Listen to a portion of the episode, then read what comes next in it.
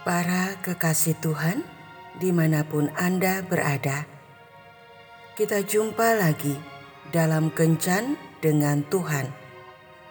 Edisi Jumat 19 Januari 2024. Dalam Kencan kita kali ini, kita akan merenungkan bacaan dari Filemon bab 1 ayat 17. Kalau engkau menganggap aku temanmu seiman, terimalah dia seperti aku sendiri. Sahabat kencan dengan Tuhan yang terkasih. Selesai mengikuti misa, seorang pemuda menemui pastor. Pemuda itu menceritakan kalau delapan bulan lalu ia menerima Yesus dan dibaptis. Sejak hari itu, ia tidak lagi menonton film porno, suka berbuat kebaikan, dan bersemangat melayani.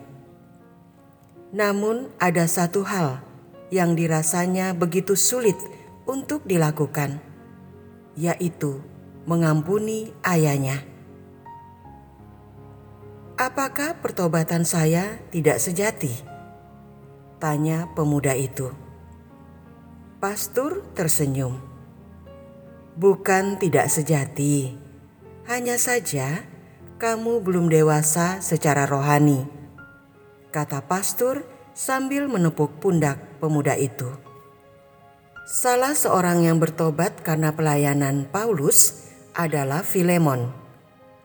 Filemon adalah seorang terkemuka yang menjadi anggota jemaat di Kolose. Buah pelayanan Filemon kepada jemaat Tuhan tidak diragukan lagi. Sampai-sampai Paulus sendiri bersaksi menuliskan, "Hati orang-orang kudus telah kau hiburkan, saudaraku." Filemon bab 1 ayat 7. Filemon mempunyai seorang hamba bernama Onesimus. Setelah mencuri uang darinya, hamba itu melarikan diri ke Roma. Bukan kebetulan Onesimus kemudian bertemu dengan Paulus, kemudian bertobat. Beberapa waktu kemudian, beserta sepucuk surat, Paulus mengirim Onesimus kembali kepada Filemon. Melalui surat tersebut, Paulus meminta kesediaan Filemon untuk menerima kembali Onesimus, hamba yang bersalah itu bukan sebagai hamba, melainkan saudara yang kekasih di dalam Kristus. Tentu Paulus mengerti permintaannya itu bukan perkara mudah bagi Filemon. Namun melalui permintaannya, Paulus seolah meminta kepada Filemon mendemonstrasikan kedewasaan rohaninya dengan mau mengampuni dan menerima kembali hamba yang telah bersalah kepadanya. Salah satu tanda kedewasaan rohani adalah kesediaan untuk mengampuni. Pengikut Kristus yang kerohaniannya masih bayi atau anak-anak sulit melakukannya. Namun seorang yang dewasa rohaninya mampu.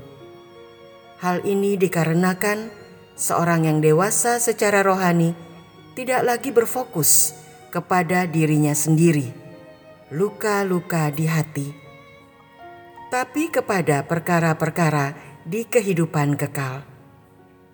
Nah, bagaimana dengan kita?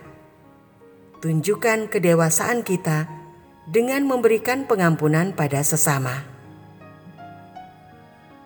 Tuhan Yesus memberkati.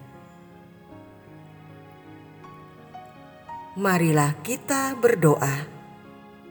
Tuhan Yesus, bukalah hatiku agar saat ini aku mau mengampuni seseorang yang telah menyakiti hatiku.